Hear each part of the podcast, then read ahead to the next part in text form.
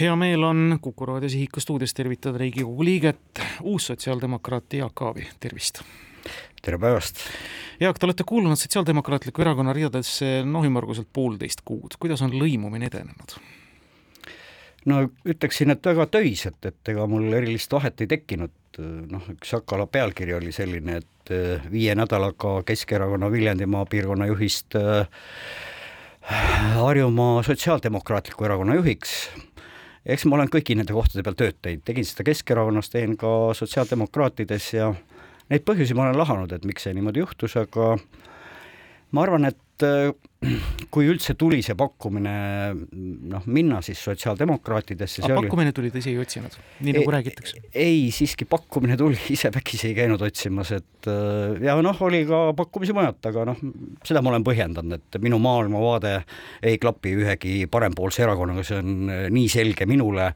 ja kuklas, et ainuke valik olid sotsiaaldemokraadid, need programmid iseenesest sotsiaalmajanduslikult kattuvad sada protsenti Keskerakonna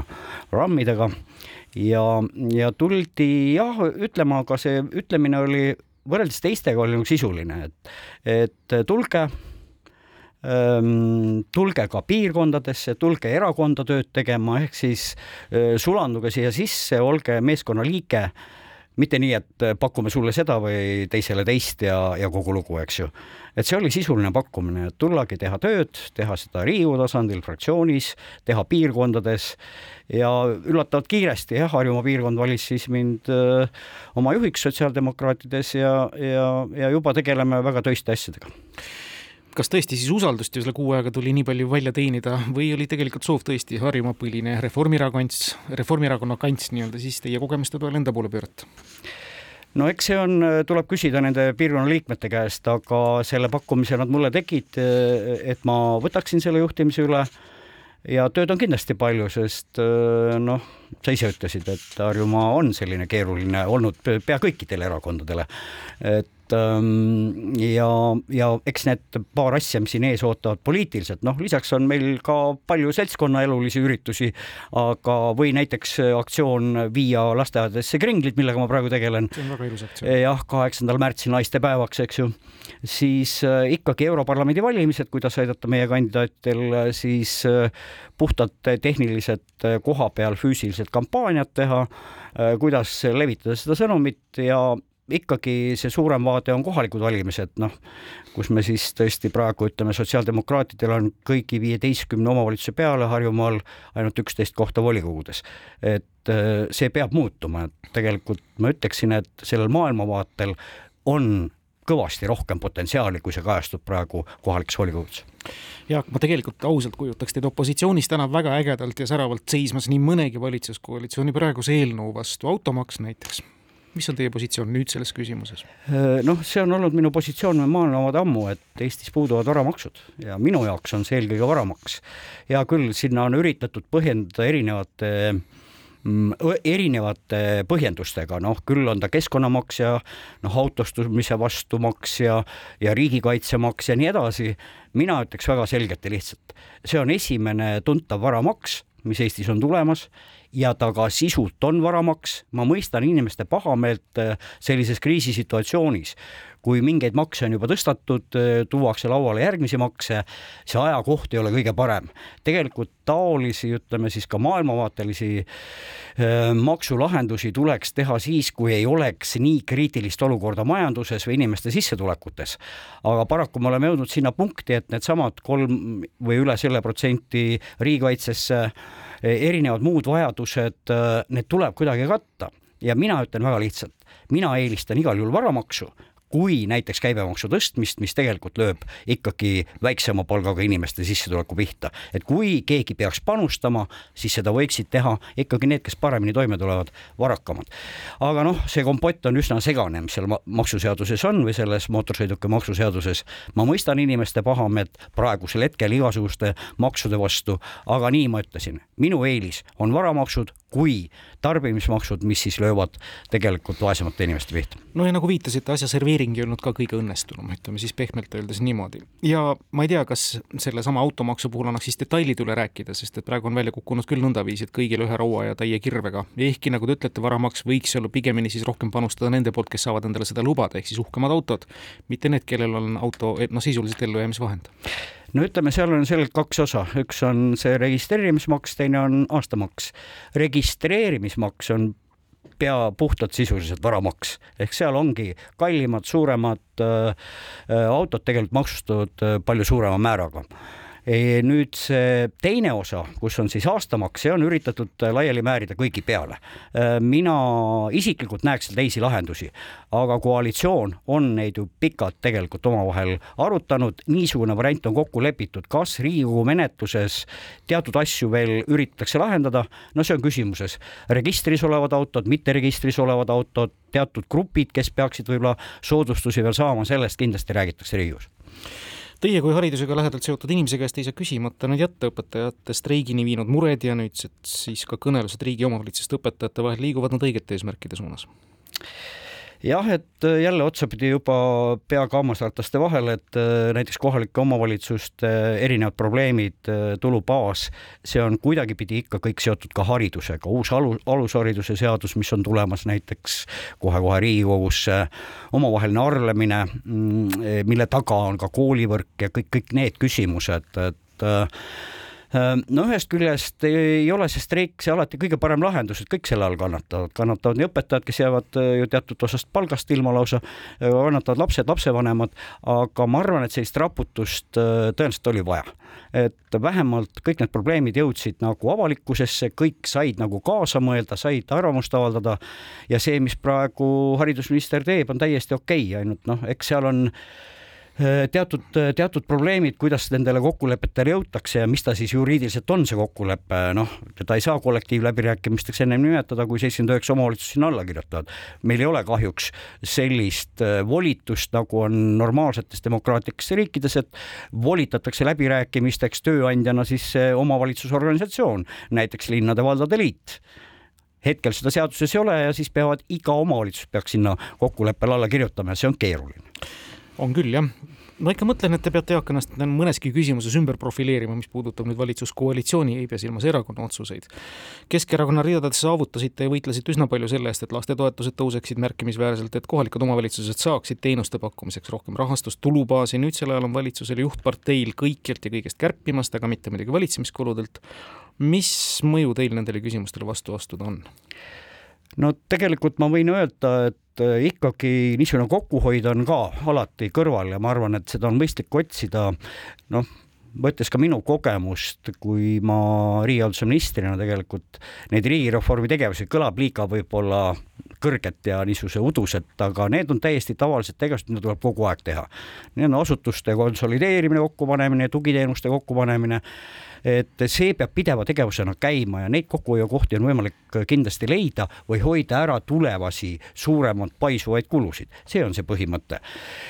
Käigu pealt leida sadu miljoneid äh, kärpeid äh,, ma arvan, et ei ole väga reaalne, et äh, rahandusminister, ma käisin ka nendel niinimetatud noh, see on dress läbirääkimine küll hiljuti äh, koalitsiooni vahel ja ma olin ka seal kohal, et ähm,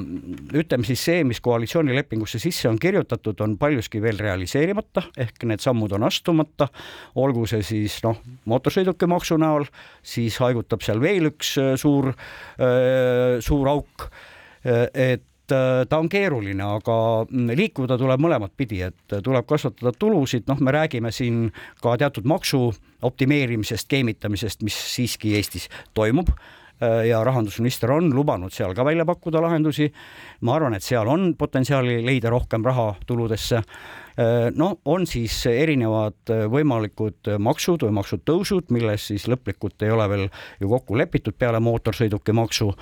ja kindlasti tuleb vaadata otsa siis, kuidas on riigi valitsemise kulud aga ma räägin, et kui teisel poole peal on riigikaitsekulud, mis iseenesest sum-, summas võib öelda, et see on viissada, kuussada miljonit rohkem, kui see varem oli, äh, siis on vahepeal hinnatõusud, mis nõuavad ju ka riigi äh,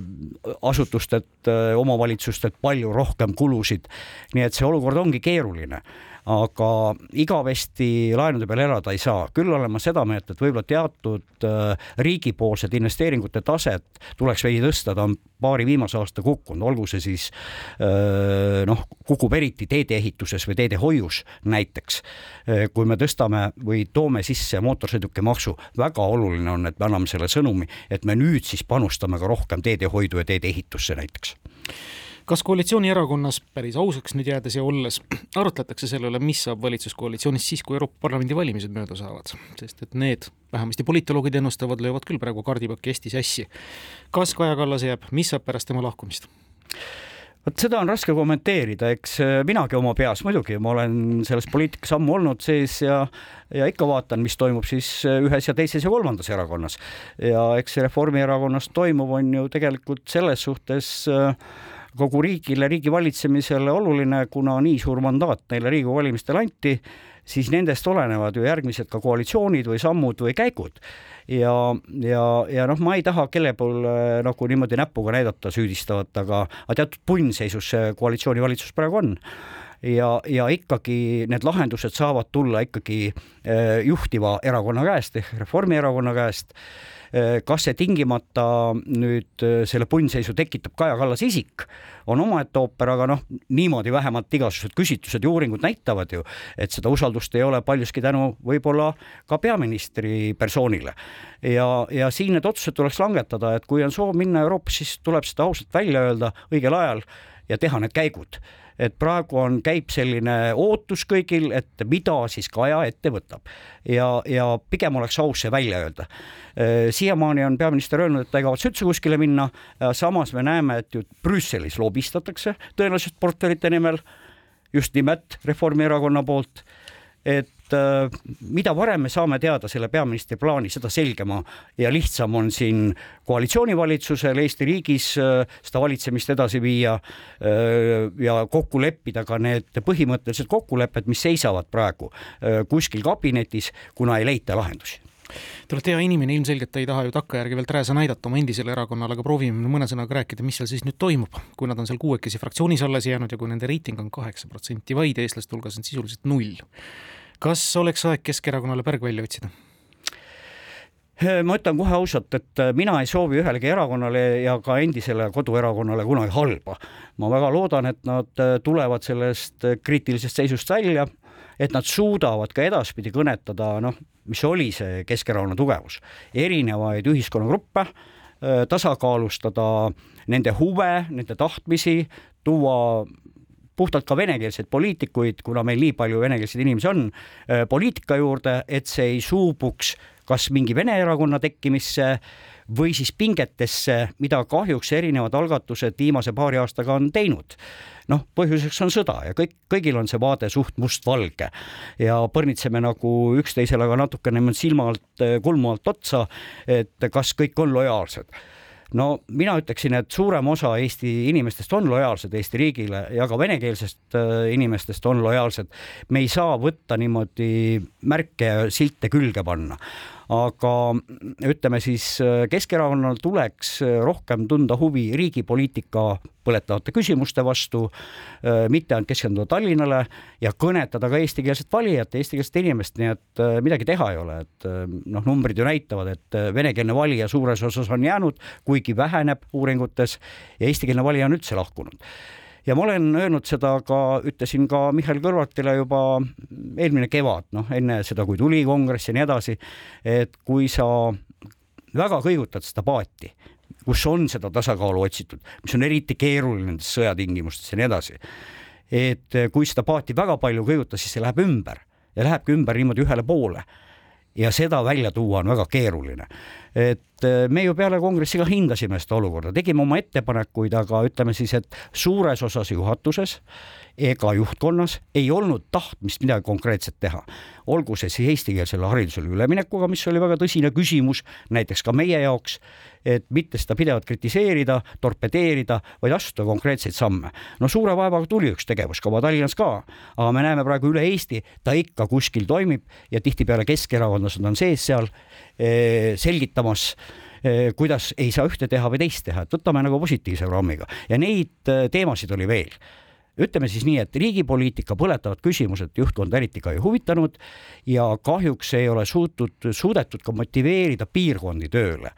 ikkagi see vahetus, mis toimus kongressil, oli nii märgiline äh, eestikeelsete inimeste jaoks, ka Keskerakonnas, ka piirkondades, ka valijate jaoks.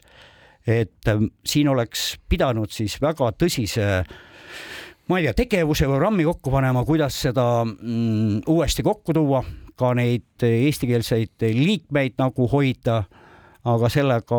esimees ja juhatus ka kahjuks hakkama ei saanud, see oli näha juba esimeste kuudega suur tänu stuudiosse tulemast ja Riigikogu liige, sotsiaaldemokraat Jaak Aab, mis puudutab neid kringleid, pidage nõu Karmo Kuriga, erakonnakaaslasest Nõmme linnaosa vanemaga, tal on palju kogemusi selles vallas. aitäh vihje eest